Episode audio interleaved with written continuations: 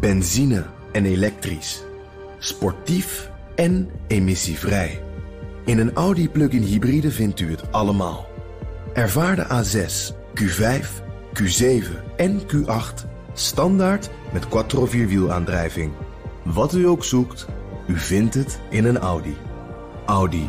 Voorsprong door techniek.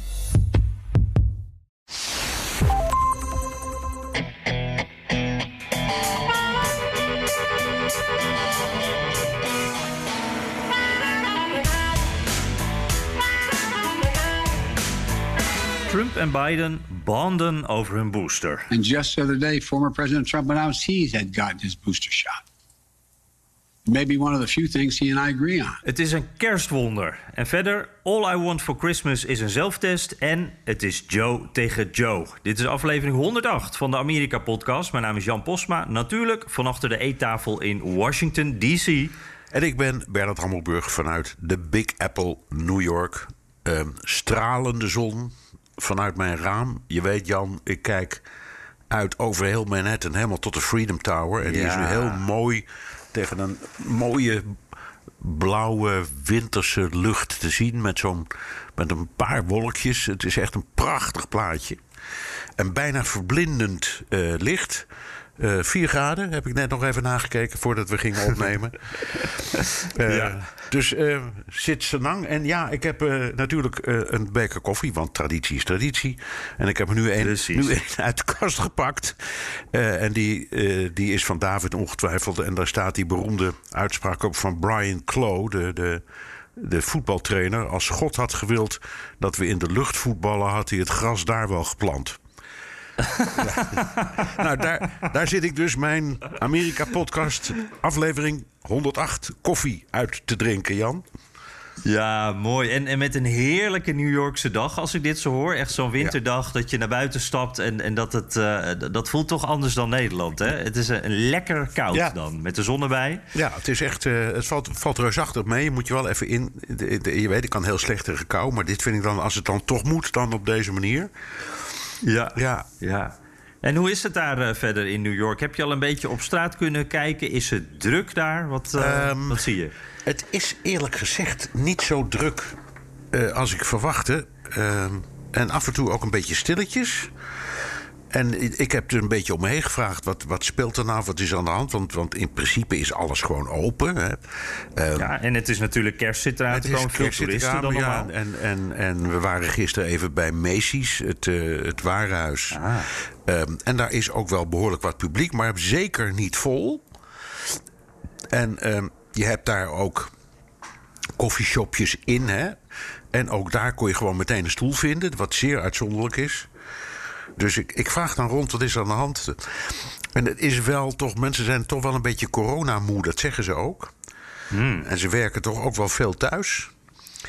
En ze hebben gewoon niet zoveel zin. Dus dit, wat ik zeer, dat vind ik zeer on-Amerikaans en zeker on-New Yorks. Want het zijn altijd van die enorme optimisten. En Ja, nu, ja. terwijl het eigenlijk best meevalt in New York... er is toch iets van gelatenheid en... en valt me een beetje tegen. Nou, tegen, het valt op, laat ik het zo zeggen. Ja, ja, je mist de energie een beetje. Mist- Weet je wat mij... Voor, vorige keer, ik, ik was een paar weken geleden... of een maandje geleden in New York. En, en nou ja, elke keer als ik er dan weer ben... dan, dan, dan peil ik ook even een beetje van... hé, hey, wacht even, hoe voelt het nu? En toen viel mij op dat er, vergeleken met de maand daarvoor... dat er meer toeristen waren. Ook meer mensen van buiten New York. Merk je daar iets van? Ja, iets. Ik, ik ben ook gaan kijken op Times Square. Dat is natuurlijk toch altijd een, een soort van eh, pijlstok. Dat, is, dat is het drukste plekje van New York. Daar heb je op een gemiddelde dag, ik geloof 75 tot 80.000 toeristen. En dat zijn bijna allemaal Amerikanen. En dat was nu ook wel behoorlijk druk hoor.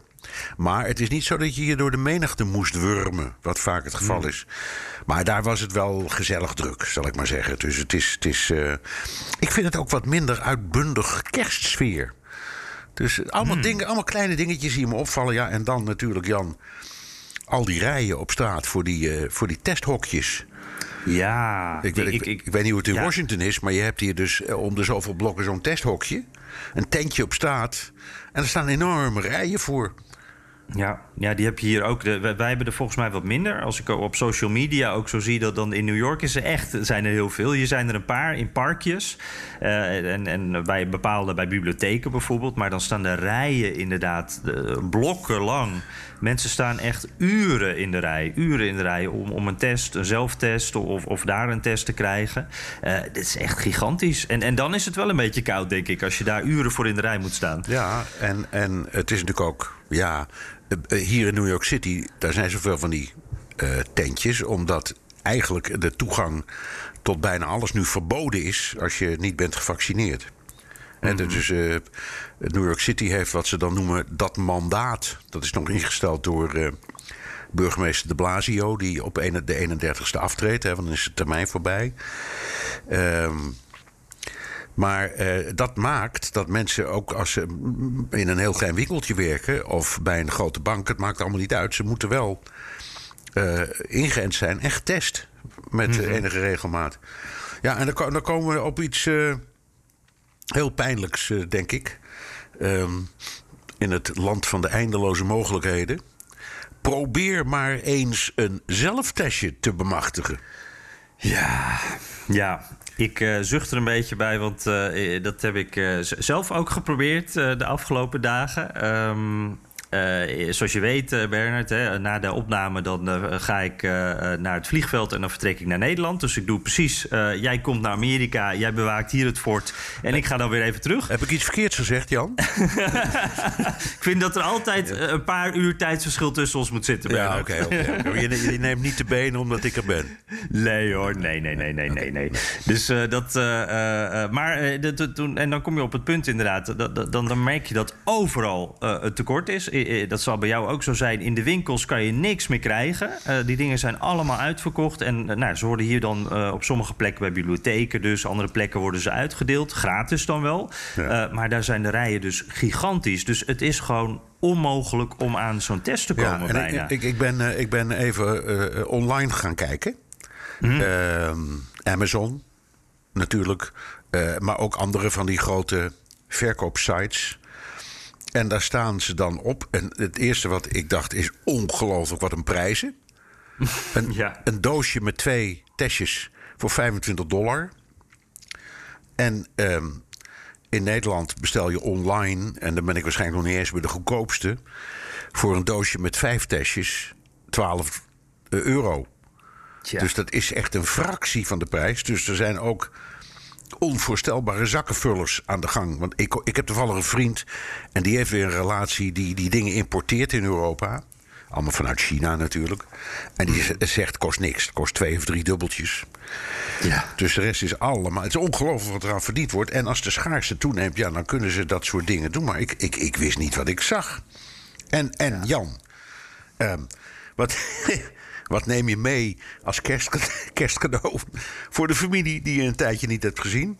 Nou, Ja, ik kan het nu wel raden, ja, wat jij Juist. eh, in de koffer hebt zitten. Ja, ja. wij, wij hadden dus, wij hadden dus eh, vijf van die doosjes zelftests.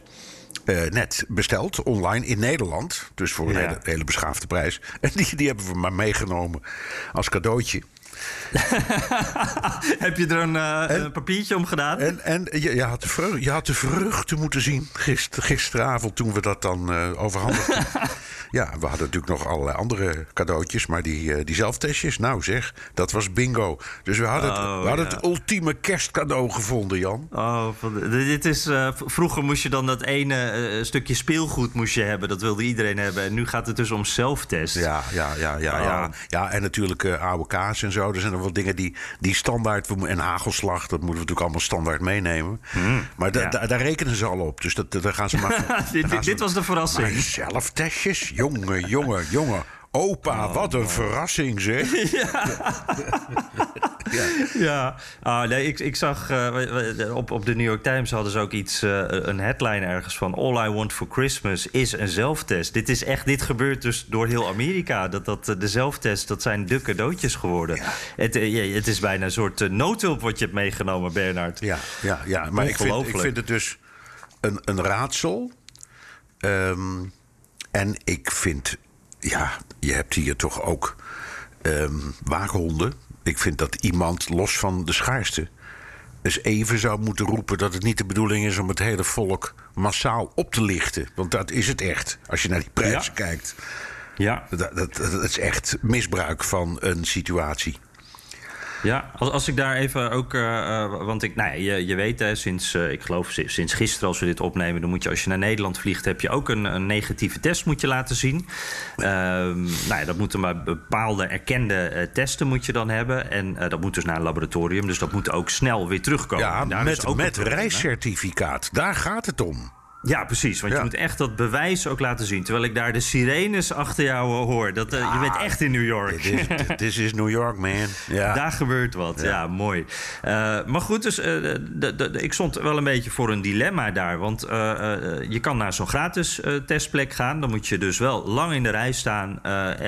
nou, maar dan kan het gratis. Maar dan heb je ook het probleem. soms komt die in een dag, maar het kan ook in twee dagen komen. En je moet natuurlijk, misschien zelfs langer... en je moet natuurlijk eh, maximaal 48 uur voordat je vliegt... moet je die test af, eh, afnemen. Ehm, dus dan ja, neem je dat risico, kan je dat doen. Ehm, het Ja. eh, enige alternatief wat er dan is met al die schaarste zijn de dure tests. En uiteindelijk eh, kwam ik dan uit bij een test die kostte 250 dollar. Zo. Eh, daar had ik wel mijn uitslag binnen een uur. Ik ben gelukkig negatief. Dus dat is, dat is mooi, want dat zal je dan ook nog eens hebben. Hè? Ja. Maar goed, dus dat was goed geregeld. Hoefde niet in de rij. Maar uiteindelijk neemt dan ook een. ja, volgens mij was het ook iemand zijn bijbaantje die gewoon de, de, de, test bij me afnam. En dat dan naar zo'n laboratorium Ja. stuurt. Of dat doen ze in huis. En daar betaal je dan dus zoveel geld voor. Het is echt belachelijk. Ja, ja, nou, we hadden het dus uit Nederland eh, ook. Want je moet dus, als je naar Amerika komt ook... moet je op één dag voordat je vertrekt een test hebben gedaan... met certificaat. Nou, Mhm. ga maar zoeken. Dus dat, dat kan ook niet bij de GGD. Dus dan kom je ook bij zo'n zakkenvuller terecht. En ik betaal in Nederland, kan ik je precies vertellen... 85 euro voor 12 erheen en dan s'avonds uh, het rapportje. En uh, hier in New York, want uh, je, je, zegt dit is net ingevoerd, maar een tijdje geleden was, bestond die regel ook dat je uh, een test moest doen voordat je naar Nederland ging. En ik heb inmiddels een firma gevonden die kost 165 dollar per persoon. Ook nog altijd, vind ik, geen kattenat, maar oké. Okay. maar daar, daarvoor komen ze aan huis. Mm. Dus komt keurig uh, een meneer of een mevrouw met een koffertje met alle spullen erin. En die gaat bij uh, jou aan je eettafel zitten. Ja. En die steekt dat dingetje in je neus. En dan wordt er een formuliertje ingevuld. En dan krijg je keurig per mail dat reiscertificaat opgestuurd. Ja. Dus, dus ik zie dat als het nu de, de komende weken niet verandert. Als ik weer naar Nederland ga, ook op die manier. Slimme ondernemer is ja, dat hoor. En het dat is, je niet uh, vijf uur in de rij hoeft nee, te staan. Maar, dat, maar Heel ook, slim. dat, ook dat is iets, vind ik, waar. Want in Nederland is het misschien iets minder barbaars. Maar ook daar, als je dus zoiets moet als naar Amerika reizen, heb je geen keus. Kom je ook bij zo'n ja. privé-onderneming terecht. En uh, ja, ik, ik gun het die mensen best. Ik bedoel, uh, zaken zijn zaken. Maar het heeft iets heel raars. Ja, ik, ik stond er ook en dan hou ik erover op hoor. Maar dat is dan dus een commerciële club. En je kan daar ook IV-drops uh, halen. Ik weet niet waarvoor dat is. Uh, wellness shots. Uh, meer van dat soort dingen. Waarvan ik echt dacht, nou, wat een onzin. Wat verdienen jullie hier veel geld met dingen die eigenlijk op een andere manier geregeld hadden moeten worden. Ja. Maar ja. nou ja. Hey, en, en ja, we komen hiermee ook eigenlijk als vanzelf al op president Biden. Hè? Want die beloofde deze week 500 miljoen zelftests. Uh, meer testlocaties. Uh, ook nog hulp voor overbelaste ziekenhuizen. Deed hij in een toespraak vanuit het Witte Huis. En um, nou, la laat ik meteen even een beetje op een rijtje zetten. Uh, hoe dat met die tests. Want dat is eigenlijk waar iedereen zich druk over maakt op dit moment in Amerika. Hoe dat hier gegaan is. Want Amerika heeft daar eerst in het begin van de coronacrisis gezegd. We doen alleen onze eigen test. buitenlandse test willen we niet. Nou, toen bleken die tests toch niet goed genoeg. Uh, dus dat was een, een probleem. Uh, recentelijk uh, zakte ook die vraag in door het vaccin. Want iedereen dacht van ik hoef niet meer te testen, ik ben gevaccineerd. toen was het zelfs zo dat een van die fabrikanten, Abbott geloof ik... die moesten mensen ontslaan, die moesten tests vernietigen omdat niemand ze wilde. Toen kwam Omicron en uh, wilde natuurlijk iedereen testen uh, voor de kerst. Want uh, hier gaat iedereen op reis. veel mensen pakken het vliegtuig, allemaal om familie te zien. En ja, toen waren die testen niet. Gewoon omdat niemand zat, zat op te letten hier. en ook de overheid die hier niets doet. Terwijl nou, in Nederland, dat, dat, gaat ook niet altijd goed. Maar dan koopt de overheid ook in. En, en heeft daar in ieder geval een rol in om, om nou ja, die hoge prijzen dan een beetje te drukken. Ehm, toen ik dat allemaal zo op een rijtje zag, toen dacht ik van nou, uh, we, zitten nu al zo lang in die pandemie. Uh, ik heb toch het gevoel dat op dit punt uh, het Witte Huis gewoon weer achter de feiten aanloopt. Ja. En ik ben het helemaal met je eens.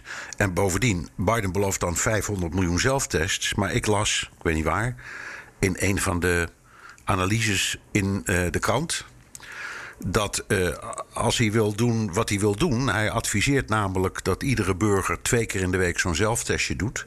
Ja. Wat misschien helemaal niet zo'n slecht protocol is hoor. He, want de redenering wordt steeds meer.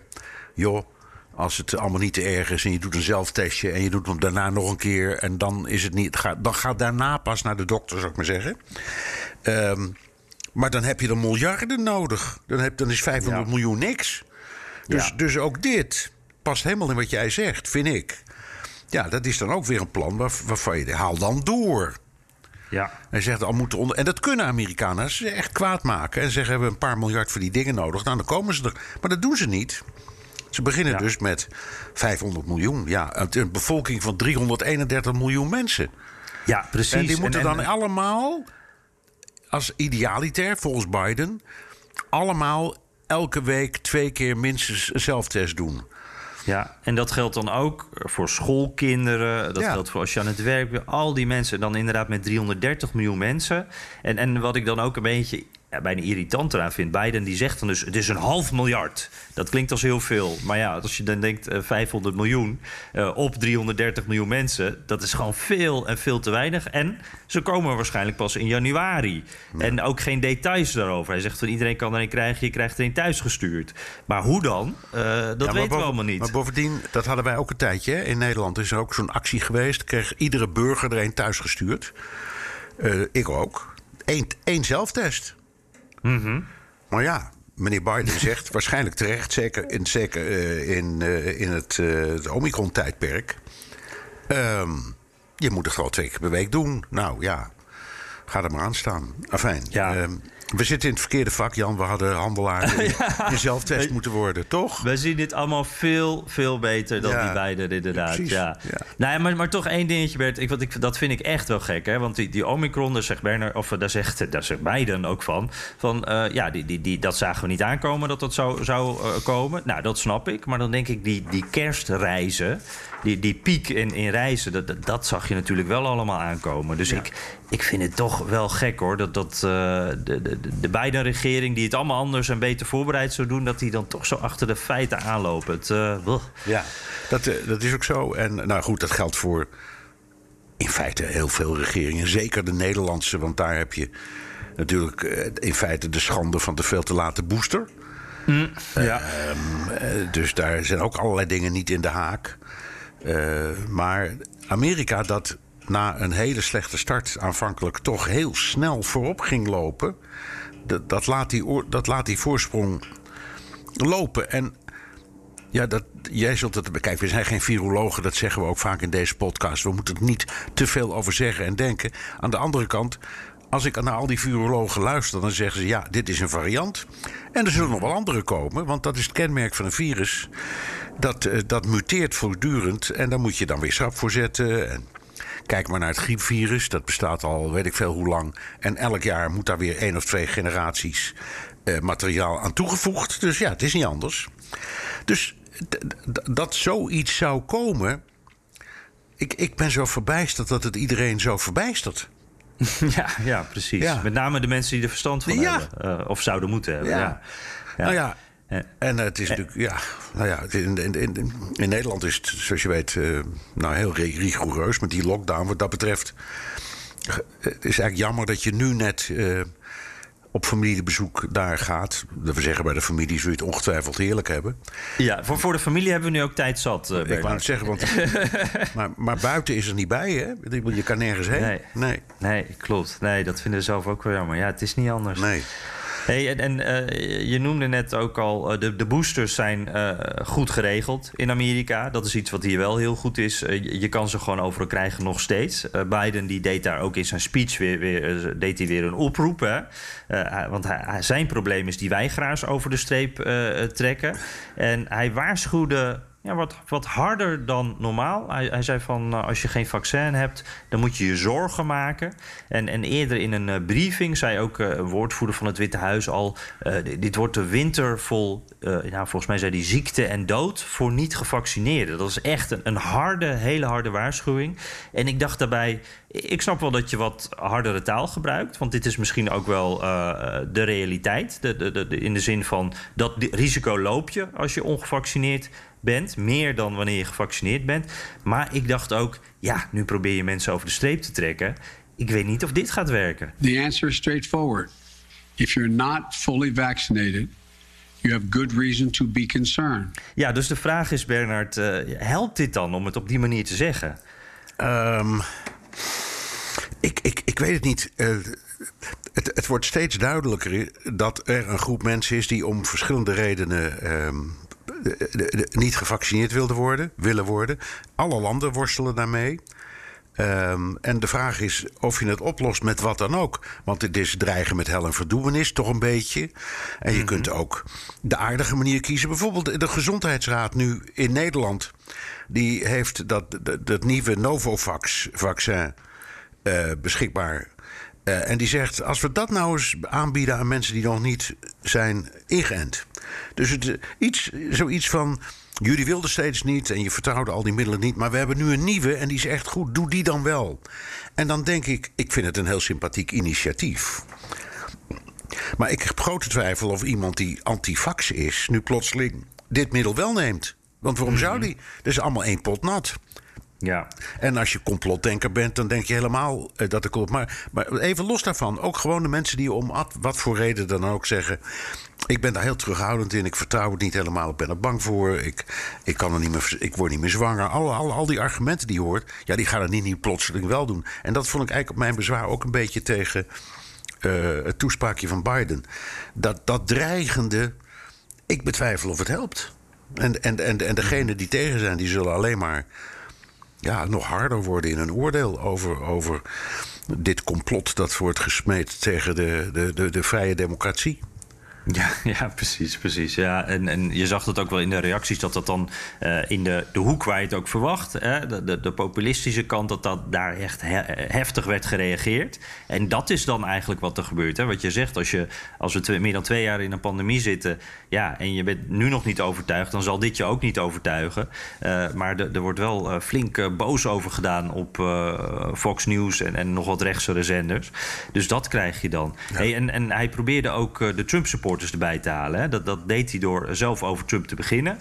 Um, dat, dat fragmentje lieten we ook aan het begin uh, horen. Uh, dat uh, Biden zegt van, oh, nou, dus eigenlijk nog iets waar we het over eens kunnen zijn. Trump die vertelde begin deze week dat hij zijn booster had gehad. Dat deed hij in een gesprek met een oud Fox News-ster, Bill O'Reilly. En nou ja, dat, dat was in een zaal met mensen en, en dat zorgde meteen voor boeggeroep. Both the president and I are vaxxed. And uh, did you get the booster? Yes. I got it too. Okay, so. Um... Oh, don't, don't, don't, don't, don't, don't, no.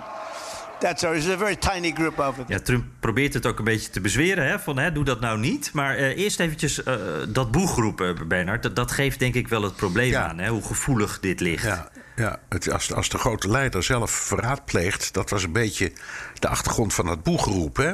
Ja. Um, Terwijl, uh, uh, ja, ik, ik vond het heel verstandig dat hij dat deed. Zeker in Kijk, als je, kijk die, die, die crisis, dat zeiden we al eerder, neemt steeds een andere wending. En er komen nieuwe varianten. En dat, dat creëert als het ware een nieuw probleem bij een al bestaand probleem. En dat gaat zomaar door.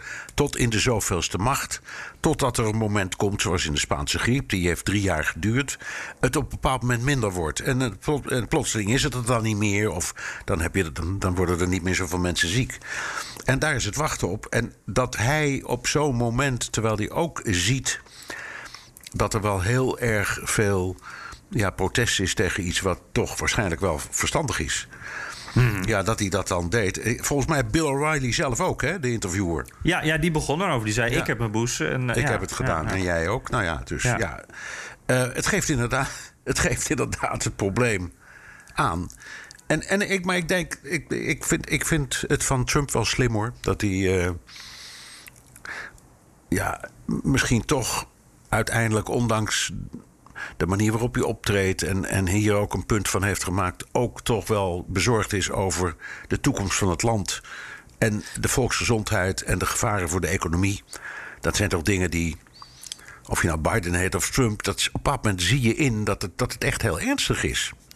Ja, maar dat is toch niet helemaal in karakter met eh, hoe Trump over het algemeen denkt? Nee. Nee, en eh, dat, dat, wat dat betreft was het toch wel een beetje een omslagje. Hè? Ik bedoel, ze Ja, vond ik, ze waren, ze waren bij wijze van spreken voor het eerst, denk ik, of voor het eerst zo duidelijk moet ik zeggen, eigenlijk heel aardig eh, voor elkaar. Toch? Ja, ja, ja, ja, ja klopt. En, en het, nou, no- nog even over die draai. Ik, ik wil je even wat voorleggen. Ten eerste, want we- daar hebben wij het eerder ook wel over gehad. Dat, ik snap nog steeds niet waarom hij het niet eerder heeft gedaan, Trump. Want hij eh, zette aan eh, om dat vaccin eh, te maken. Dat was zijn ding. Hè? Trump die wilde, de, de- die, zei, die, die liet de, de, rest, de andere dingen een beetje liggen eigenlijk. Maar dat vaccin, dat was echt iets waar Trump op inzette. Nou ja, dat vaccin is er. Waarom was hij daar niet enthousiast over? Dat Ja. had hij veel eerder kunnen doen. Ja. Dat vond ik raar. En, en dan zit ik te denken van, van waar die draai. En ik zat misschien een beetje cynisch hoor. Maar ik denk dan ook, hij plaatst zichzelf nu in een unieke positie als presi- presidentskandidaat. Ehm, hij is nu eigenlijk eh, de republikeinse kandidaat, eh, of hij het nou gaat doen of niet, eh, die ineens wat positiever over dat vaccin is. Terwijl al die anderen die staan nog met de neus de andere kant op. En die zijn hier eigenlijk een beetje door verrast. Die hadden dit allemaal niet aanzien komen. En die volgden natuurlijk ook Trump daarin grotendeels. En, nu heeft Trump die draai gemaakt. En iedereen die na hem die draai maakt, dat wordt ineens een beetje een Trump-kopie. Ja. En ik denk, da- dacht daarbij ook, maar ja, het is ook allemaal een speculatie hoor. Maar hij heeft ook altijd natuurlijk echt een feilloze neus voor publieke opinie. Ook voor kantelmomenten daarin. Misschien denkt hij ook dat dit het moment is. Eh, Dat hij een soort, soort nou ja, zoals je met aandelen een instapmomentje kan hebben als ze laag staan. Dat hij nu denkt van wacht even, vanaf nu zou het eh, beter kunnen gaan. Ja. Maar eh, dit, dit is pure Het speculatie. kan, maar het, het, dit gaat over het onderbuikgevoel van Donald Trump. En daar heb je gelijk in. Daar, daar, daar is hij, een mee, hij, heeft een, hij is een meester in het aanvoelen wat zijn achterban wil horen. Ehm, en wat ik beschreef aan het begin van de podcast, een beetje dat die, die te neergeslagen stemming in New York, dat voelt hij ook elders in het land. Dus hij denkt inderdaad, misschien is dit een opslagpunt. En, Jan, hij kreeg natuurlijk ook een gouden kans. Omdat Trump, omdat Biden eh, zegt en zei: we moeten ook even eerlijk zijn. We hebben eh, dit virus voor een heel belangrijk eh, deel te danken aan mijn voorganger. Die zich daar zo het vaccin, vaccin, het vaccin, ja. sorry. Ja, ja, ja. Het vaccin, neem kwalijk. Die zich daar zo voor heeft ingezet. En ja, ik ook. Ik zet me er ook enorm voor in. Dus ik doe, doe, doe ook mijn best. Maar we moeten niet vergeten dat mijn voorganger Trump echt de aanzet heeft gegeven tot die hele campagne. En dat, dat heeft natuurlijk, voor Trump is het ook handig, omdat eh, hij kan er van alles mee. Hè? Hij, kan, hij had kunnen zeggen, zie je die leugenaar valt door de mand. Of hij had kunnen zeggen, en weten jullie dat hij helemaal geen president is? Nee, hij deed iets slimmers. Hij denkt, dit gebruik ik, want die man is mijn grootste tegenstander. En ik krijg erkenning van mijn grootste tegenstander voor misschien wel de belangrij- het belangrijkste moment in die hele pandemie. Dus het was ook, als je dan al die omslag wil maken, een gouden moment als je het aangegeven krijgt door je politieke vijand. Ja, en, en toen, gebeurde er ook iets, iets heel raars. Eh, iets wat we nog niet eerder gezien hebben. Toen eh, Biden bedankt dus eigenlijk Trump. En Trump bedankte daarna Biden voor de erkenning. Die zei van, oh, ik had dit niet verwacht, maar eh, ik, ik ben Biden zeer erkentelijk. Eh, het voelde, ik, ik zag het en ik dacht echt, dit is een soort kerstwonder. dit heb ik nog nooit eerder gezien. Op zo'n manier dat deze twee mannen elkaar eigenlijk een beetje de hand toereiken. Ja, ja. je, je zou moeten hopen dat, het hoeft niet over andere onderwerpen hoor, maar dat op dit onderwerp ze die conversatie ook in het openbaar een heel klein beetje voortzetten. Dat hoeft niet elke dag, maar dat ze ehm, in, in de campagne eh, tegen de pandemie gewoon af en toe elkaar een beetje de eer gunnen van. Uh, als, als Trump op een bepaald moment zegt: ja, die zelftestjes vind ik ook, vind ik ook wel een goed idee. Ik noem maar wat, hè.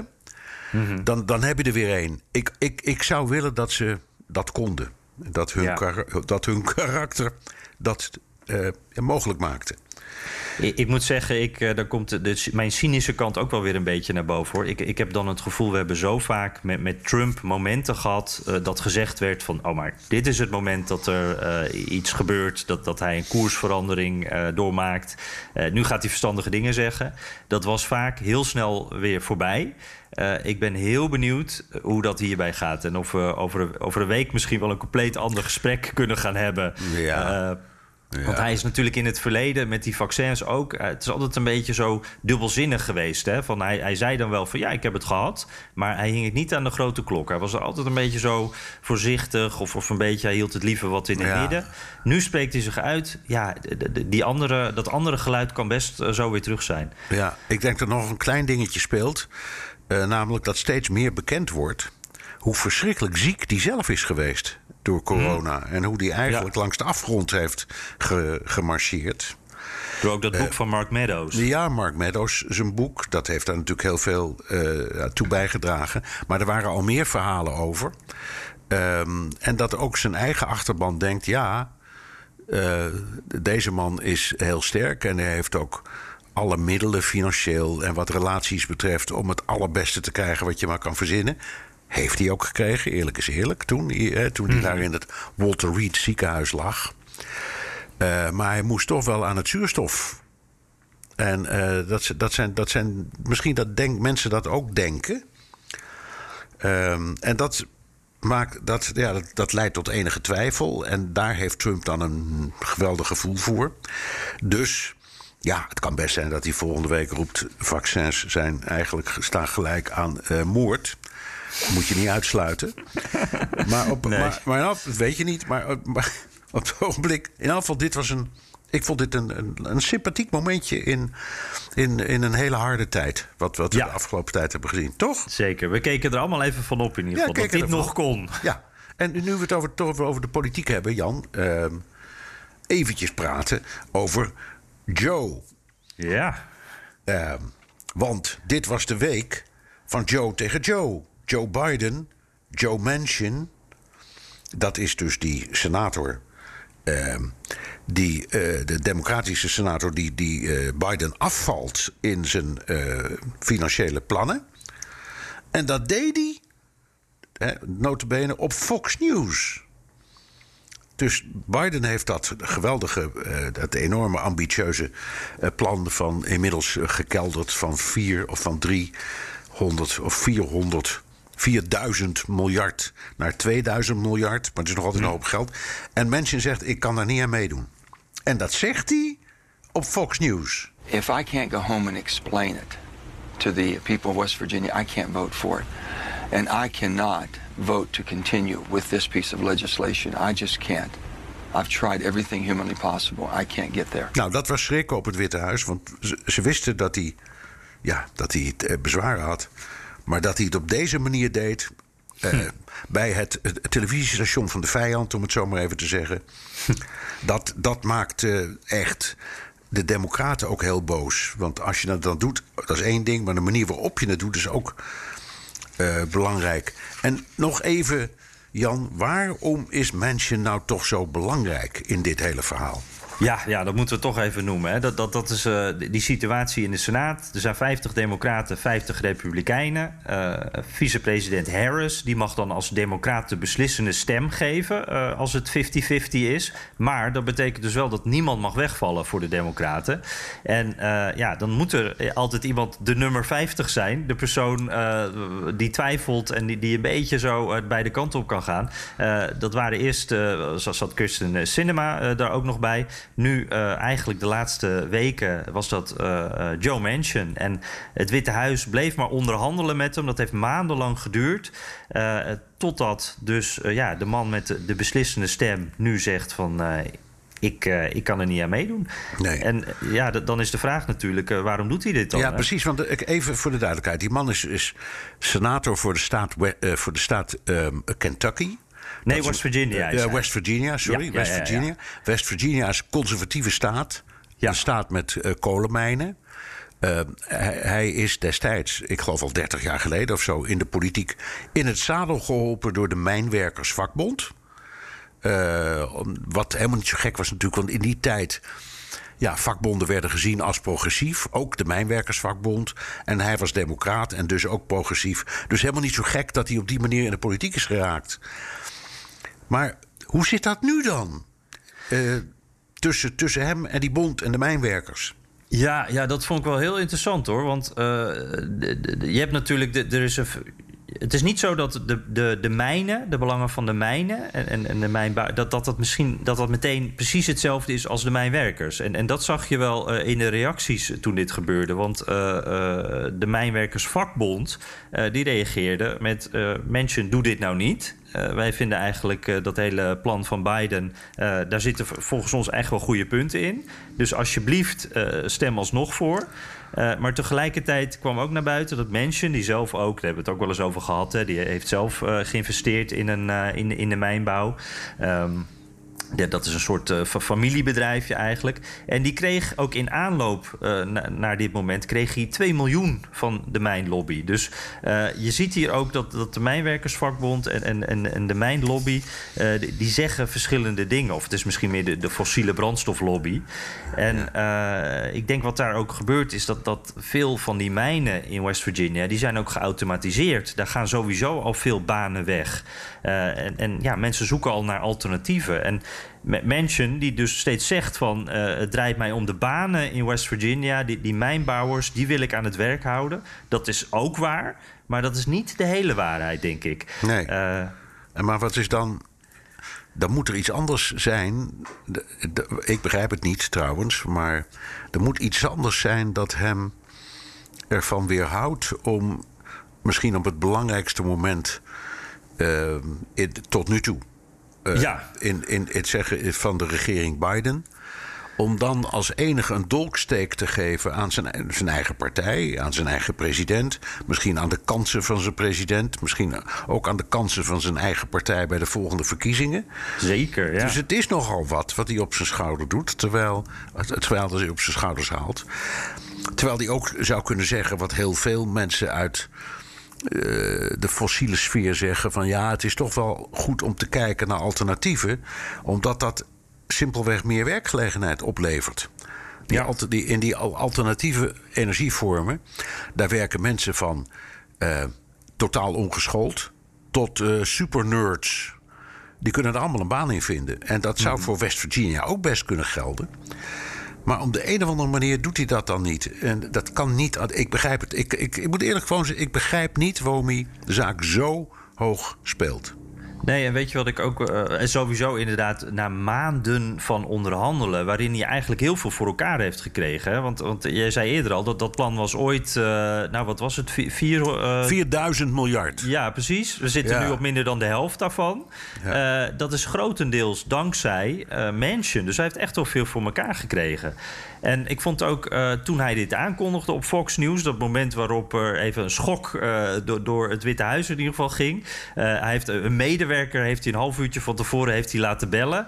dus hij heeft niet eens zelf gebeld van jongens, ik ga het toch niet doen. Terwijl hij daar kind aan huis was maandenlang. Uh, er werd hier al gegrapt. Hij heeft zijn eigen parkeerplaats bij het Witte Huis. Want hij is altijd daar aan het praten, altijd aan het onderhandelen. En toen zei hij. Uh, de inflatie loopt op. Dat is iets waar ik me zorgen om maak. Hè. We moeten meer betalen bij de benzinepomp. Mijn kiezers ook. Uh, dus ja, dat heeft even prioriteit. Dat Omicron slaat toe, corona. En de staatsschuld neemt zo toe. En, ja, dus dit is gewoon niet het moment voor zulke grote uitgaven. Dit, dit kan ik niet doen op dit moment. En hij noemde dus niet die kolenmijnen. Vond ik wel opvallend. Um, En ik had daarbij dus ook het gevoel, uh, wat bij hem natuurlijk heel vaak meespeelt, dat hij uit die conservatieve staat West Virginia komt, dat hij ook aan die conservatieve kiezers moet denken. En uh, daar zitten ook heel wat mensen tussen die misschien best wel wat hulp van de overheid kunnen gebruiken, maar dat principieel niet willen. Uh, die dit echt nou ja, een communistenplan vinden, zoals die Republikeinen dan zeggen. En dat hij daar ook aan dacht: van wacht even, mijn conservatieve achterban, daar moet ik ook aan denken. mensen die wil ook herkozen worden. En als democraat moet hij dan toch een beetje tegen die Republikeinen aanknuffelen. En eh, dat, dat is denk ik ook. Uh, hij doet dat niet alleen maar om, om, die stemmen binnen te halen. Ik denk ook dat hij daar echt wel een beetje aan die kant staat. Dat hij gewoon echt een beetje half republikeins is. Het zou kunnen. Het zou kunnen. Uh, ik denk dat het. In, in, in, in dat vak regeert het opportunisme. Dus ik denk dat hij vooral ja. zijn knoop aan het tellen is. Uh, en kijken waar, die, waar moet hij nou aan denken? Aan zijn eigen positie, aan zijn eigen kiezers. Dat laatste is zijn plicht, want die hebben hem in het zadel geholpen. Of moet hij denken aan het lot van het land en zijn partij en de toekomst? En ik denk dat hij dat laatste te ver wegvindt. Zo ja. ik denk. Ja. Oké, nou ja, het is niet. Uh, ongemerkt gebleven, hè, zal ik maar zeggen. Op nee. nee. En ook bij die democraten, die waren allemaal echt heel uh, boos. Uh, en, en uh, vooral de progressieve tak, die, die hadden natuurlijk... Er waren een paar dingen, die, die zijn dus al constant ook aan het mee onderhandelen. Hè. Die zien de hele tijd dat plan kleiner worden door Manchin. Zijn ze helemaal niet blij mee natuurlijk. En zij hadden eerder al gezegd, die progressieve tak van de partij... laten we dit, uh, ik noem maar even het Build Back Better plan... het meer sociale plan... laten we dit nou koppelen aan dat infrastructuurplan. Laten we zorgen dat we daar tegelijkertijd over stemmen. Want uh, anders dan zijn wij bang dat bijvoorbeeld een Joe Manchin zich straks uh, terug gaat trekken uit dat Build Back Better plan. En dan staan wij straks als progressieven met lege handen. Uh, nou, het Witte Huis heeft toegezegd: uh, ja, jongens, we moeten toch wat. Hè? We moeten dat infrastructuurplan erdoor krijgen. En op deze manier werkt het niet. Dus laten we toch eerst voor infrastructuur stemmen. En dan zien we later wel, dat komt helemaal goed met dat Build Back Better plan. Dan krijgen jullie ook wat jullie willen. En wat er dan gebeurt, is ja precies wat die progressieven waar ze zo bang voor waren. Die, die mensen die heeft eigenlijk zijn buiten al een beetje binnen. Die heeft voor infra uh, kunnen stemmen. Uh, en nu het volgende grote plan, waar hij, wat hij te ambitieus vindt.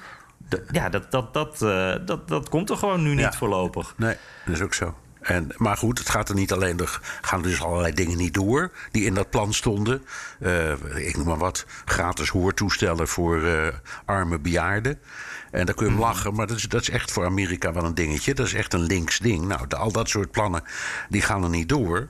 Maar ik blijf zeggen, voor mij is, is het vooral de positie van de partij en van de president die hierdoor totaal. Uh, ja, hij brandt, deze man brandt op dit moment in zijn eentje zijn hele eigen politieke vriendenkring af. Mm -hmm. Het is nogal wat. Ja. Ja. En, en, en wat denk je dat daar. Um, wat zit daar voor de toekomst in? Want ja. er wordt natuurlijk heel veel gespeculeerd. Gaat hij naar de Republikeinen? Nou, dat, dat denk ik niet, want hij is nu een heel bijzonder figuur. Ja, hij heeft een echte ja. machtspositie. Dat wil je graag behouden, natuurlijk. Maar wat, wat uh, kan deze. Er is zoveel met modder gegooid van het Witte Huis richting Mansion en de andere kant op. Uh, die Democraten zijn allemaal boos op hun partijgenoot. Kunnen die nog samenwerken? Uh, ja. Diepe zucht. Ja, nee, maar ja, want dat, dat, is, dat is natuurlijk onderdeel van het politieke bedrijf. Ze moeten wel. Jawel, maar je kunt over allerlei dingen kun je, uh, de degens trekken en een enorm gevecht leveren. Maar je krijgt op een bepaald moment ook gewone dingen, zoals het uh, verhogen van de staatsschuld, omdat anders de, de regering niet verder kan. Nou, daar vinden ze elkaar bijna altijd, die beide partijen. Hmm. Er zijn ook dingen die te maken hebben met, laten we maar zeggen, oorlog en vrede, defensie. Uh, onderwerpen waarbij de Amerikanen, ook die partijen in het algemeen, elkaar wel. Er zijn best dingen waar ze elkaar bij, bij vinden. Maar dit is toch een moment waarop je denkt. Wij dachten het al eerder, Jan, daar hebben we ook vaak over gehad. Het zag er al niet zo geweldig uit voor Joe Biden. Ik denk in de strijd tussen Joe en Joe. dat Joe Biden echt wordt geslachtofferd. Mm -hmm. Die heeft hier het onderspit uh, gedolven. Ab absoluut. En de vraag is. Uh, wat betekent dat voor de komende verkiezingen in november? Wat betekent dat voor de presidentsverkiezingen van 24, waarvan Joe Biden zegt: ik doe mee? Ja. Ja. ja. Nou. Ik, ja, nee, maar het echt. Dat, Ja. dat, en, en dit is niet, het gaat er niet om of je voor of tegen Joe Biden bent. Maar het is wel een moment waarop hij eigenlijk van buitenaf een dreun krijgt. En hij is niet in staat geweest om ehm, die linkervleugel die door de Republikeinen, Republikeinen consequent communisten of socialisten wordt genoemd, om die ehm, in bedwang te krijgen. Is niet Mhm. En, en waar, is die dreun dan het hardste? Is dat binnen zijn eigen partij, waar het Nou, vertrouwen geschaad is, of richting de nou, kiezer? Nee, richting de kiezer. Als je kijkt naar de peilingen, joh, die gaan met de snelheid van het geluid naar beneden over Biden. Mhm. En dat komt natuurlijk allemaal hierdoor. Mensen denken, ja, hij is nu kansloos. Mhm. Want hij had een aantal plannen. Wat heeft hij nu eigenlijk tot nu toe gerealiseerd? Nou, eh, ik denk dat als ik het je zo vraag, dat er een stilte valt. Nou ja, ja, ik denk eh, infrastructuur. Hij heeft natuurlijk dat corona-hulppakket. Eh, dat zijn denk ik de, de twee belangrijkste dingen. Ja, maar dat coronahulppakket was er onder Trump ook. Mhm. En dat is nu er weer. Nou ja, dat vind ik eerlijk gezegd, dat doet bijna elk land. In Nederland is dat zo, de Europese landen doen dat ook allemaal. En infrastructuur is alleen maar een goedgekeurd wetsontwerp. Maar voordat je de eerste opgeknapte wegen ziet, ja, dan, dan, dan is deze hele generatie politici al lang dood en begraven. ja. Ja, nee, maar daar hebben we het inderdaad eerder over gehad... voordat de schop eh, in de grond gaat. Dat is te laat voor, voor de komende verkiezingen. Dat werkt gewoon niet. Precies. Dus, dus, dus Ja. ja. nou. En, en op dat punt is ook waar we... het komt allemaal ook een beetje op een vervelende manier samen voor hem... zo vlak voor de kerst. Eh, Want we begonnen met dat, dat testprobleem. Eh, corona is natuurlijk ook iets waar, waar eh, Biden eh, campagne op heeft gevoerd. Die heeft gezegd deze zomer... eh, eh, we gaan een soort onafhankelijkheidsdag van dat virus krijgen. Een soort bevrijdingsdag. Ja. Hij, hij beloofde echt licht aan het eind van de tunnel. Eh, we werden er allemaal wat optimistischer van. En als je nu kijkt waar we een half jaar verder zijn... het is misschien niet allemaal zijn schuld. Want hè, het is niet hij kan er niks aan doen dat mensen uiteindelijk niet willen vaccineren. Maar die belofte is niet ingelost. Nee. En dan die inflatie erbij. En, Precies. En, ja. En het is heel, heel dubbel. Sorry hoor, ik eh, ratel wat door. Maar dan moet ik ook ineens aan denken. Want de, de, eh, hoe heet het? De, de, de banencijfers die zijn eigenlijk best goed. Eh, economisch gaat het ook best goed. Maar er zijn zoveel negatieve dingen. Die, die inflatie, wat de mensen dan echt in hun portemonnee werken. Dus ook de positieve dingen. Die, die, die tellen toch niet echt op dit moment. Nee. nee, ik weet het, de Social Security, dat is de, de Amerikaanse AOW. Die geeft ehm, voor de komende maand, geloof ik, 5,9% verhoging. Bijna 6% meer eh, voor je AOW. Nou, dat is, dat is echt wel een bewijs dat er iets aan de hand is hoor, met die inflatie. Want zo'n, zo'n, zo'n, dat, dat doen ze niet zo snel. Het is echt heel veel. Ja. Ja, ja, ja. Ja, Hey, nou, het, is, het is een. eh, even- ja, nou, het, het- het is. eh je hebt het dan over die momenten zoals 4 juli. Ja, dat hebben we in Nederland ook gehad met dansen met Jansen. Dus Ja. el- elke. Dat, dat kun je regeringen. Eerlijk gezegd vind ik niet zo heel erg kwalijk nemen. Dat ze denken, nou, als het zo goed doorgaat en die, de, de ontwikkelingen zetten zich door, dan komt het misschien wel goed en dan valt het weer tegen. Dat, maar de manier waarop je ermee omgaat, daar Mhm. kun je ze op afrekenen. Ja, ja, en die veranderde, veranderende omstandigheden, dat moeten ze dan ook beter uitleggen, denk ik. Ja. Maar, eh, en eh, nog even één dingetje hoor, want, want ik zie de laatste tijd ook weer even terug naar Mansion en dat Build Back Better eh, plan van dat, zo ongelooflijk veel geld. De- de- daar wordt de laatste tijd, de laatste dagen, zie ik daar ook een kleine verschuiving, hoe er over wordt geschreven, hoe het Witte Huis er ook over praat. Want in het begin was het echt, toen, toen Mansion dit gemeld had, was het echt modder gooien. Was het echt ruzie tussen het Witte Huis en, eh en Mansion. Gaven elkaar allebei de schuld. Er werd van alles gelekt ook. Eh Mansion zei op een bepaald moment: het Witte Huis zet me veel te veel onder druk. Eh, mijn, familie heeft al last van, van nare berichtjes die, die ze krijgen. Ik wilde niet meer zo genoemd worden door het Witte Huis. Nou, het, werd allemaal echt best persoonlijk. Toen dacht ik van, dit is, ook dit is echt wel het einde verhaal. Mansion heeft die aankondiging gedaan. Ze zijn boos op elkaar. Hier is iets kapot gegaan. Maar de laatste dagen hoor ik dan weer van... nou, in het nieuwe jaar wordt vanuit het Witte Huis gezegd... dan kunnen we toch wel weer gaan praten. En wie Ja. weet is er nog wat mogelijk. Ja, en, dat- nou, laten, laten we zeggen, wie weet is dat ook zo, Jan. Want, Dat is niet alleen wishful thinking, denk je? Nou, dat het zou best kunnen. Dat, dat, dat, dat gaat in de politiek wel zo. En misschien krijgt hij op de een of andere manier nog concessies. Of worden er nog dingen uit dat begrotingsplan gehaald die hij eruit wil. Zoiets. Ik weet het niet. Maar het, het- dat optreden bij Fox vast vond ik toch wel. tekenend. Anders had hij het toch op een andere manier gebracht. Dit was echt een oorlogsverklaring aan Biden, naar mijn idee. Ja, ja. Hey, ja, Jan. gooi je echt de deur dicht. Op ja. deze vrolijke noot Ja. zullen we naar de luisteraarsvragen gaan. Ja, laten we dat eens eventjes doen. Eh, eens even kijken. De, de, kerstbrieven van eh, deze aflevering. Eh, Jesse van Rijn. die zegt altijd met veel plezier geluisterd naar de podcast. Ik was erg benieuwd of en hoe jullie de tornado's in onder andere Kentucky en Illinois zouden bespreken. En om eerlijk te zijn, viel me dit tegen. Nou, komt een lange mail. Ik zal hem even samenvatten. Eh, eh, Jesse zegt: Ik wil eigenlijk meer aandacht eh, voor de mensen die omkwamen bij een distributiecentrum van Amazon en een kaarsenfabriek. De, mensen die niet weg mochten. Daar komen allerlei berichtjes over naar buiten. Hè, dat, dat mensen door moesten werken, ook al was er een eh, orkaanwaarschuwing.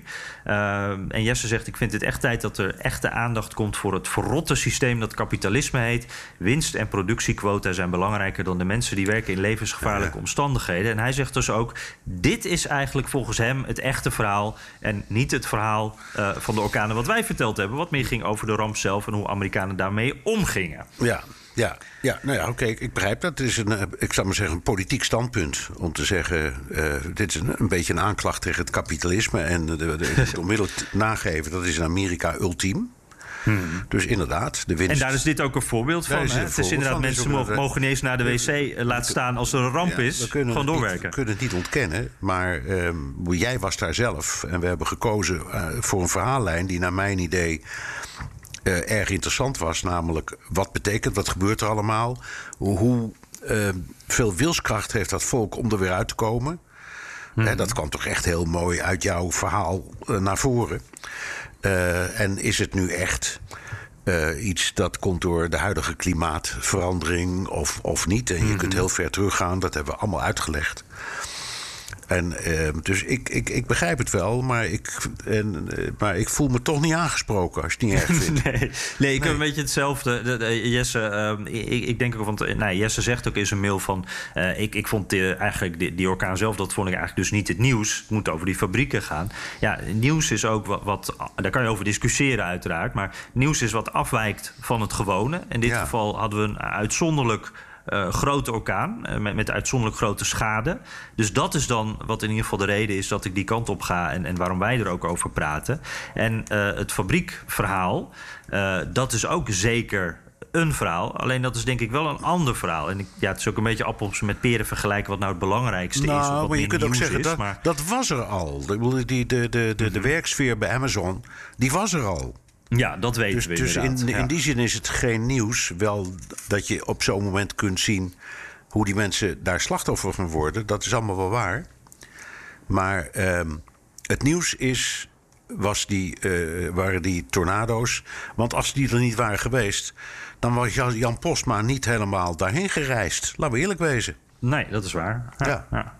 En eh, dat betekent niet dat Amazon en, en eh, ja, die verhalen, dat, dat, dat komt ook echt nog wel weer een keertje voorbij hoor. Dat eh, is ook zeker een verhaal. Alleen op dit moment, op, op, in dit geval dus, ja, lag de keuze anders. Wat, wat Ja. niet wegneemt, Jesse, ik vind het echt leuk dat je dit stuurde. want- Zeker. Ja, het, het is voor ons ook, dat zal je ook hebben, Bernard. Je moet ook af en toe eventjes denken van... wacht even, zitten we wel volgens onszelf op het goede spoor? Helemaal, helemaal. En journalistiek is ook niet iets van echte wetten. Je moet, er zitten altijd nuances in. En als iemand daarop wijst, dan, eh, dan waarderen we dat. Ik ben het er Zeker. niet mee eens in dit geval, maar ik snap de redenering volledig.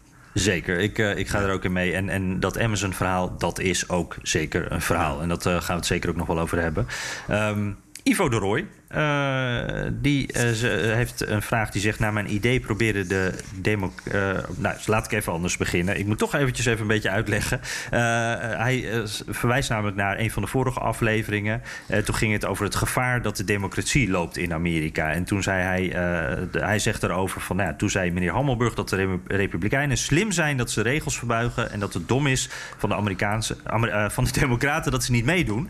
En hij zegt dan... naar mijn idee proberen de Democraten juist de in stand te houden en proberen de Republikeinen het stemmen lastiger te maken en het vertrouwen in de rechtsstaat te verminderen en plegen zij een aanval op de vrije pers door alles fake nieuws te noemen. Ja. Hoe kijken jullie hier tegenaan? Een vaak gehoorde uitspraak is dat het eigenlijk knapper is dat de democratie al zo lang stand houdt eh, en de macht goed wordt overgedragen dan andersom. Maar denken jullie dat de Amerikaanse democratie de ondermijning van de Republikeinen kan overleven? Ja, dat kun je allemaal zo stellen, maar we spreken elkaar niet tegen. Dat, dat valt mij hier aan op. Want omdat wij zeiden. Eh, er wordt door de, de, de Republikeinen zijn veel efficiënter. Of effectiever in de manier waarop ze dit gevecht voeren. En de Democraten blijven achter omdat ze niet in actie komen. Ehm, en dan kun je wel zeggen, ze proberen de democratie in stand te houden. Zeker. Alleen waar blijkt dat nou uit? Dat is het Ja, punt. Daar hadden we het het ook over. effectiever doen. Terwijl die Republikeinen echt heel strategisch, als in een schaakpartij, op verschillende plekken op dat bord hun pionnen verzetten. Hè, met, met het gerrymandering en met het, het azen op de baantjes van mensen die stemmen tellen in de, in de provincies. En ga zo maar door. En de Democraten stellen daar niks tegenover. Dus dat spreekt in het geheel eh, Ivo zijn verhaal niet tegen. Nee, zitten we eigenlijk best wel op één lijn. En, en of, je, of je vindt dat de, de, Republikeinen de democratie ondermijnen, ja, dat is, dat is een oordeel. Maar het was, wat wij hebben gedaan, denk ik, is uitgelegd. Dit ondernemen de Republikeinen alleen maar om hun positie te versterken. En de Democraten doen eigenlijk niks. En dat vind ik nog steeds. De opmerkelijk hoe, hoe, hoe machteloos ze zijn in dit soort dingen. Terwijl, ja, er zijn maar twee partijen. Dus die andere partij moet ook trucs kunnen verzinnen. En dat doen ze niet. Ja, precies. Ik moet daar even een kanttekening bij maken trouwens. Want daar hadden we het inderdaad de, de vorige keer over. En, en eh, eh, toen hadden we het ook bijvoorbeeld over het aantal rechters... dat Trump wist te benoemen. Waardoor er echt op, alle niveaus, van het Hooggerechtshof tot, tot het laagste hof... eh, dat, dat er eh, op heel veel plekken conservatieve rechters zitten. Toen zag ik eh, na onze vorige podcast... en ik werd er ook door een luisteraar op gewezen trouwens... dat eh, daarna een berichtje kwam dat Biden zijn 40ste rechter heeft aangewezen. En daarmee evenaart hij eh, Reagan, die er ook eh 40 benoemde in zijn eerste jaar. En er werd er ook bij gezegd dat is veel meer dan eh, Trump in zijn eerste jaar. Die, die had er namelijk maar 18. En eh, dat komt omdat Democraten eh, gebruik maken van het versnelde systeem, eigenlijk de procedure die eh, Mitch McConnell en de Republikeinen hebben ingesteld. Die waren aan de macht en die zeiden van wacht even, wij willen dit zo snel mogelijk kunnen doen, want dan kunnen we er Ja. meer doorvoeren. Ja, dat doen ja, de. Democraten dus ook. Dus die twitteraar zei: Oké, er is toch een strategie. Eh, ja, eh, dit is inderdaad ook. eh, Ze maken gebruik van de mogelijkheden die er nu zijn, maar door, dus door de Republikeinen eh, neergezet. En ik denk ook wel, het is laat hè. Want die Republikeinen die hebben al zo'n ongelofelijke voorsprong op dit gebied met die rechters. Eh, dus er valt wel, ja, er er is zoveel in te halen dat, dat, dat die Democraten. Ja, die, die, die hebben de Republikeinen niet eens in zicht op dit moment. Nee, dat klopt. En, en ja, dat klopt. McConnell heeft toen de zogenaamde nucleaire optie ingevoerd. Hè? Want traditioneel worden rechters benoemd met, eh, een, met 60 of, eh, of eh, senatoren, 60 stemmen. Ja, zo'n su- supermajority. Ja, supermajority. Maar hij heeft, toen dat steeds maar niet wilde lukken met leden voor het Hoge Rechtshof, gezegd: dan doen we dat met, met een absolute meerderheid. En er staat nergens in de grondwet dat dat niet zou mogen. Eh, en sindsdien gebeurt dat. En dus doen de Democraten dat ook. Dus het is makkelijker geworden om rechters te benoemen. Ja, ja. ja. Hey, en eh, nog even kort hoor. eh, want hij eindigt, Ivo, met... geloof je, denken jullie dat de Amerikaanse democratie... die, die ja, hij noemt het ondermijning van de Republikeinen kan overleven? Vorige keer was je niet zo optimistisch. Hoe ontwikkelt dat gevoel zich nog een Ja. beetje bij jou? Of blijft Ja. het een beetje hetzelfde? Nee, dat, dat, nee, het blijft hetzelfde. Ik, zie, ik ben wat dat betreft heel somber. Nou, zinnig. Ja, Ja, nou, en, dat- en ik zeg altijd, het dan maar mee doen. Nou ja, ik zeg het enige waar ik altijd erg in geloof is het optimisme van de Amerikanen. Want het, eh, maar ook dat zie ik nu op dit moment heeft een behoorlijke deuk opgelopen. Mhm. Dus het, eh, het, eh, ja, wat dat betreft ook. Het, het, het- het- het gaat niet zo goed. Gewoon Nee. in, hè, de, de verhoudingen zijn niet goed en ik zie het niet, niet snel verbeteren. Nee, precies. En, en zonder eh, in herhaling te vallen over, over vorige week. Maar eh, ja, we zijn nu bijna een jaar na 6 januari. Eh, we zien hoe daar nu, de, de bestorming van het kapitool, hoe daar nu naar wordt gekeken en mee om wordt gegaan, hoe dat gespind wordt. En nou ja, de, de, ik, dat, dat is, zijn, dat is zo'n eikmoment. Uh, sindsdien uh, ben ik echt ook wat een behoorlijk stuk pessimistischer. En ja, de, hoe dat nu gaat, hoe, hoe, Republikeinen eigenlijk dat, dat een beetje bagatelliseren. Dat Trump, die trouwens op 6 januari een speech gaat geven hè, in, in Mar-a-Lago. Ja. dus nou, we weten ook alweer welke kant dat op gaat. Ja, daar wordt de mensen inderdaad niet optimistisch van. Nee. Dat is toch die man die de verkiezingen heeft gewonnen, hè? ja, precies. Hij, ik zag uh, even uh, vanochtend, ik zat te kijken, zag ik een fragmentje. Hij had een interview, uh, Trump, met iemand. En toen zei hij zo echt tussen neus en lippen door. Hij zat even niet op te letten, denk ik. Van ja, en als we nou die verkiezingen niet hadden verloren, dan had die, die muur die had er nu gewoon al gestaan. En toen dacht ik, wacht even. Je hebt het gezegd. ja. dus ja. He conceded. Ja. ja, precies, precies. Maar ik denk dat hij morgen weer wat anders zegt. hey, iets vrolijkers dan. Ruud van der Kaam. En die kennen we, want uh, dat is uh, onderdeel van een duo, uh, Bernard, hè, die ons ook een, een soort felicitatiekaartje stuurde toen we onze honderdste uitzending hadden. Ja, maar, maar, maar zonder achternamen. Ja, precies. Eh, de, toen zonder, ja, dus nu weten we dat het Ruud van der Kaam is. Wauw. Ah, ja. Nou, kijk, uh, Ruud, uh, je bent nu bekend bij ons. Uh, kunnen we ze een kaartje terugsturen? Paul die is er deze keer niet bij. maar die zegt: In de laatste aflevering hoorde ik Jan zeggen dat de Donald een geboren verkoper is die ook mislukkingen goed weet te verkopen. de brug naar Biden werd vervolgens niet gemaakt. deze nuance vormt de basis voor mijn volgende tweeledige vraag. Jullie mogen uiteraard zelf kiezen welke jullie beantwoorden. iedere president heeft zo zijn sterke en minder sterke eigenschappen. Stel, we zetten alle presidenten van de VS op een rij. Uh, en, en, dan heeft hij dus twee vragen. En de eerste is eigenlijk: uh, noem de drie beste eigenschappen van uh, eerdere presidenten. en, en de, de, beste karaktereigenschappen. En, nou ja, daarmee kan je dus een soort superpresident maken. Nou, zijn tweede vraag gaat dan over de slechtste eigenschappen. Ik stel voor dat we die eerste vooral even pakken, Bernard. Ja, ja, ja. Dus de, de beste eigenschappen van drie historische presidenten. Poeh. Um...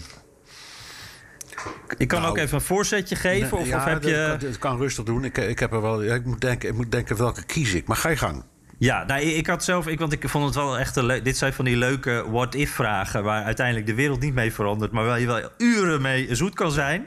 Uh, dus uh, een hele mooie. En ik, ik kwam op um, de, de wijsheid van Lincoln. de communicatie van Reagan en de uh, politieke overredingskracht van Johnson. Ja. En toen heb ik er tussen haakjes achter gezet de empathie van Biden. Omdat ik toch ook even Biden hierin wilde noemen als huidige president. Ja, ja. vind je die nou zo empathisch? Ik vind wel, ja, hoor. Ik, ik, uh, nou, even uh, een beetje dubbel gevoel hierbij. Want aan de ene kant heb ik bij Biden wel echt dat gevoel van... dit is een beroepspoliticus. Deze man doet het al zijn hele leven. Uh, dit is een, een, een nou ja, dit, dit is een, een, Washington creature.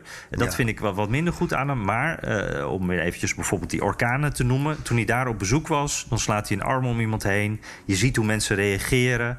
dat heb ik ook bij die campagnebijeenkomsten van hem gezien in Iowa en, en New Hampshire en zo. Uh, hij, de, de, mensen die, die, die smelten van hem. Die zijn zo blij als hij hun aandacht geeft. En als hij ja, de, zijn ervaringen over groot leed deelt. En dat is misschien raar, want je denkt van ja, het is een president, dat is helemaal niet zo belangrijk. Maar dat is voor heel veel mensen dus wel heel belangrijk. En hij legt wel echt contact. Dus ja, dus ik vind wel dat hij empathisch is. Ja, nee, je hebt gelijk. Nou, um, ik wou er in afval nog één aan toevoegen. En dat is Truman. Hmm. Um, die in de, in de voetsporen trad van uh, uh, Franklin Roosevelt. Terwijl ja. hij van niks wist en ook helemaal niet voorbereid was. Ja, die, die uh, bom die was voor hem een. Ja, hij wist, hij wist helemaal niets. Hij wist niets van het Manhattan Project, dus van de ontwikkeling van een atoombom. En hij is degene die vlak nadat hij aantrad. Um, die bom twee keer heeft gebruikt, hè, op 6 en 9 augustus 1945. Um, maar los daarvan het, het, was ook de man, dus de eerste president geweest. die um, de zwarte gemeenschap officieel heeft toegesproken. op een hele grote bijeenkomst op de Mall in Washington. Ah. De NAACP, die kwam daar bijeen. En hij was de eerste die de stap zette om uh, die toe te spreken. Uh, dat was, vond ik een heel mooi moment. En hij beschrijft ook in zijn eigen memoires daar eh, interessante dingen over. Want bijvoorbeeld in huis gewoon tussen hem en, en, en zijn vrouw en noem het allemaal op. Daar werd gewoon nog het N-woord gebruikt. Ah, Dus het was, een, het was een intellectueel proces om daarvan af te stappen. En te zeggen: nee, ik moet moreel, maar ook, ook gewoon staatkundig duidelijk maken. dat wij een grote groep mensen hebben van een ander ras dan waar ik toe behoor. die in niets verschillen van het ras waar ik toe behoor. En die ook hun steentje hebben bijgedragen aan alles wat dit land ooit heeft bereikt. inclusief de toen net afgelopen Tweede Wereldoorlog. Dus dat, dat, dat, dat was. Daar kun je van alles over zeggen, maar dat vond ik, vond ik wel een heel moment. En is, heeft zich daarna ontwikkeld tot een, tot een eh, heel gevierd eh, eh, president. En hetzelfde geldt natuurlijk voor zijn voorganger, FDR. Want dat is denk ik de meest, misschien wel de meest linkse uit de geschiedenis geweest. Maar die heeft de hele moderne samenleving op de, op, op de kaart gezet. Hè, de, de, de AOW. Het de- depositogarantiestelsel bij de banken. Dat was de eerste die dat eh, deed. Dus dat je geld veilig was en dat er geen run op de banken meer was. Ehm, het hele sociale stelsel wat hij heeft opgezet, magistraal. Ehm, en dan onder die zware omstandigheden van de Tweede Wereldoorlog, die daar dwars doorheen ra raasde. Maar het herstel het uit de, de crisisjaren, dat was magistraal. En een derde heb ik zo gauw, zo gauw niet bij de hand, maar ehm, die komt nog wel een keer. ja. En dan nog even over FDR. Wel- Welke eigenschap is dat dan? Is dat visie? Of, eh, Ja, dat is, ja dat, is, dat, is, dat is echt visie en ongelooflijk veel lef. En het lef bleek uit wat hij gewoon heeft gedaan. De dingen die hij op de kaart heeft gezet. En visie is het bedenken van die dingen. Want ehm, er was ook een ontzettende gesmeer, gelepen politicus, kun je wel zeggen. Als je ziet hoe hij ehm, zich eh, heeft gewapend tegen die enorme anti-oorlogsbeweging hè, die er was. Ehm, die overigens als strijdkreet had America First. Die kennen we. Eh, ja. Maar dat, was, dat waren dat, zo de onderleiding van mensen als Joe Kennedy, hè, dus de, de, de vader van de, de latere president. Ehm, en eh, er waren- er waren heel, hele zwik prominente Amerikanen die daar toen deel van uitmaakten. Was een Die isolationisten. isolationisten. Die wilden absolute garantie dat Amerika nooit zou gaan deelnemen uit, aan de Tweede Wereldoorlog. En hij heeft toen achter de schermen voortdurend overlegd met Churchill. Omdat ze allebei wisten waar het toe zou leiden uiteindelijk. Dus hij heeft eerst dat enorme programma bedacht van, dat heette Land Lease. Dus je gaf aan je vrienden wel wapens en geld en voedsel en zo, maar je vocht zelf niet mee. Tot, het, tot de omslag die toen kwam, toen ze wel mee gingen vechten. Ja, ja. Ja, dus de, de visie van FDR. En, en met Truman is het dan de, de, de ontwikkeling die hij als president heeft Ja, doorgemaakt? de dat een ontwikkeling die. de- ja. ik denk dat hij de eerste stapjes heeft gezegd om, om, gezet om, om het land eh, te moderniseren en een beetje van zijn vooroordelen af te halen. Die hebben dan nog wel geduurd tot Lyndon Johnson, hè, tot, 19, tot, eh, 84, wat- tot ne- eh, 1964. Want toen is pas officieel de apartheid afgeschaft.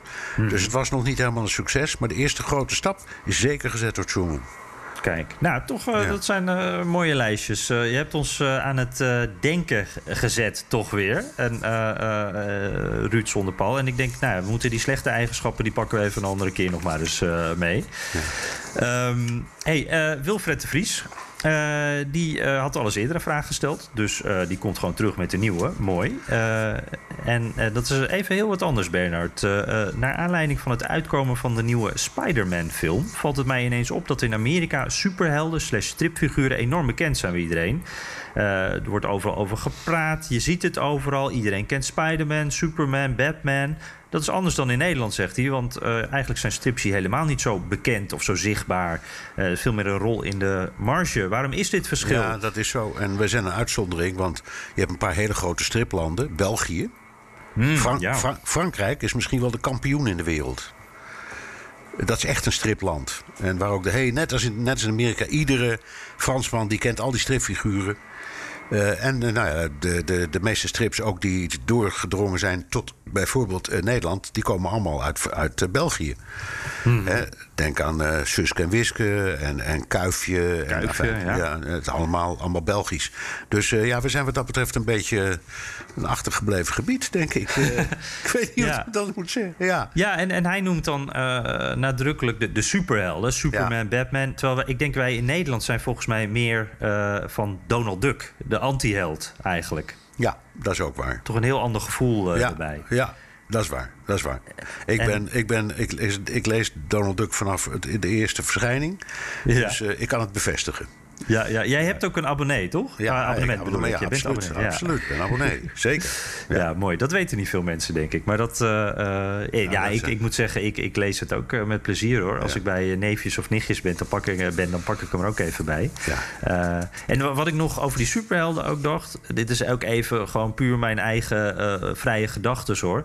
Maar eh, die Amerikanen die hebben inderdaad wel echt een soort fascinatie met, met, die, die, met Batman, Superman, dat soort figuren. En ik, ik vind er twee dingen Amerikaans aan. Dat is het, het optimisme van de wereld kunnen veranderen in je eentje. Dat, dat zit erin. En eh, dat alles eh, zo neerkomt op, op één persoon eh, daarbij ook. En zoals ook de president in zijn eentje de wereld kan regeren. als tenminste zo zien Amerikanen dat. Dat vond ik wel typisch. En, en ook dat soort idee van terugkomen naar een terugslag. Ik geloof dat Spider-Man die is zo geworden omdat hij ooit door een spin is gebeten. Dat deed me bijna een beetje denken aan, aan de born-again Christians, weet je wel. Die dan Ja, iets mee ja, hebben ja, gemaakt in hun leven. En dan daar bovenop komen. En dan uiteindelijk tot een superheld uitgroeien. Dat is waar. Eh, maar goed, het is Ja, allemaal een beetje zo dat is uit waar. de dat is, pols. dat is anders dan Asterix. Eh, Ja, Dat is toch dat is eigenlijk meer het symbool van verzet. Ja, Hè? Verzet tegen een, tegen een vreemde macht. En daar heb je, in Amerika is nooit bezet geweest, dus je hebt een ander soort helden. Heel interessant hoor, dit. Ja, mooi. Ja. En, en Obelix natuurlijk, die in, in de pot met Ja, donderdank is precies. Gevallen. Ja. Hey, nou, eh, een mooie eh, vraag in ieder geval. Want hier had ik eigenlijk nog nooit zo over nagedacht, eh, Wilfred. Ehm, ik- moeten we hem hier ook maar even mee afronden met deze superhelden, Bernard? Ja, ehm, eh, het is, hem, eh, we, we, we zijn een beetje nou, we hebben nog een hoop. Maar goed, volgende week misschien die verder. schuiven we gewoon door. Ja. er gewoon voor. Heb je recensies? Ja, want daar heb ik er ook nog een paar van. Eh, even kijken. Vijf eh, eh, kerststerren van Marjan van mij. Interessant. Ik luisterde tijdens mijn vroege ochtendwandeling vooraf aan mijn werkdag. En de kilometers gaan ongemerkt voorbij. Vijf sterren vanuit Almere. Eén ster dan van Josh van den Broek. Eh, met als kop walgelijke journalistiek. Dat Deze gaat over jou, dat gaat over jou, niet over mij. ja. Ja. Nou, hij, hij begint met deze mensen in meervoud. Dus dat Oh, zal dan koninklijk meervoud zijn, eh, Bernard. Eh, ze zitten gevangen in hun eigen dogma's... en hebben niet de capaciteit om echt met verschillende invalshoeken naar zaken te kijken. Het is meer van hetzelfde. Onwenselijk, zeker in de huidige tijden... waarin behoefte is aan doortastende, intelligente journalistiek, Ja, nee, Bernard. Dat is, ja, dat is overvragen. Dat kan ik niet lezen. Ja, kom op. Dat, eh, daar kun je echt niet aan beginnen. Nee, daar kun je niet aan beginnen. Nee. nee. eh, nou, wat ik nog wel even daarover even serieus wil zeggen, George. Want ik wil echt eh, eh, kritiek prima. Maar eh, wat ik wel vaker heb, en dat heb ik met jouw berichtje ook. eh, zeg dan ook even wat het is, weet je wel. Ik, ik, is er een bepaald voorbeeld waarin we e- te eenzijdig zijn, eh, waar je aan hebt geërgerd? Laat dat dan even weten. Ik weet niet of je nog een mailtje kunt sturen of via iTunes misschien dit berichtje aan kan passen. Want ik ben gewoon echt oprecht nieuwsgierig. Maar met alleen walgelijke journalistiek, ja, eh, dat kan je net zo goed dan op Twitter gaan roepen en eh, daar tussen de chagrijnen gaan zitten. Want eh, daar komen we niet zoveel verder mee. Ehm, Doe ik dan toch eentje nog van vijf sterren, om toch met een goed gevoel te eindigen. Eh, dat is namelijk, het blijft gewoon een geweldig programma. Eh, dat is eh, Single Malt 99. Eh, eh, mooie samenkomst van een bonkervaring en actuele observaties. Net als eerder, vijf sterren uit het Haagse van mij. Keep up the good work. Dat is Boris. En oh ja, vergeet ik nog eentje. Wendy Beenakker. Toch om vrolijk van te worden. Nou, Oh, prima. goed. Oh, wat leuk. Terugluisteren kan via de BNR-site, Apple Podcast of Spotify. Heb je vragen, opmerkingen, kritiek of complimenten... dan kan dat ook met een tweet naar Jan Postma USA of BNR De Wereld. Of heel ouderwets met een mailtje naar dewereld.bnr.nl. Ja, want we zijn blij met al die eh, berichtjes natuurlijk. Eh, Laat ons ook even weten hoe je naar ons luistert en eh, waar. We hadden ook weer een paar mooie foto's bij zitten deze keer... van mensen die tijdens het klussen of in de auto of wat dan ook aan het luisteren waren.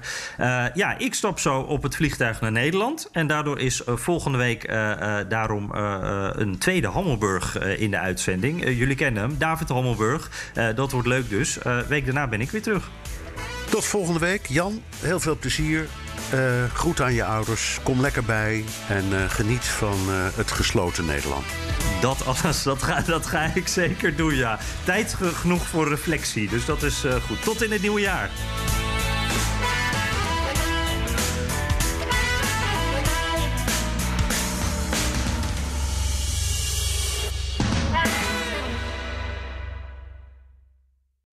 Benzine en elektrisch. Sportief en emissievrij. In een Audi plug-in hybride vindt u het allemaal. Ervaar de A6, Q5, Q7 en Q8 standaard met quattro vierwielaandrijving. Wat u ook zoekt, u vindt het in een Audi. Audi. Voorsprong door techniek.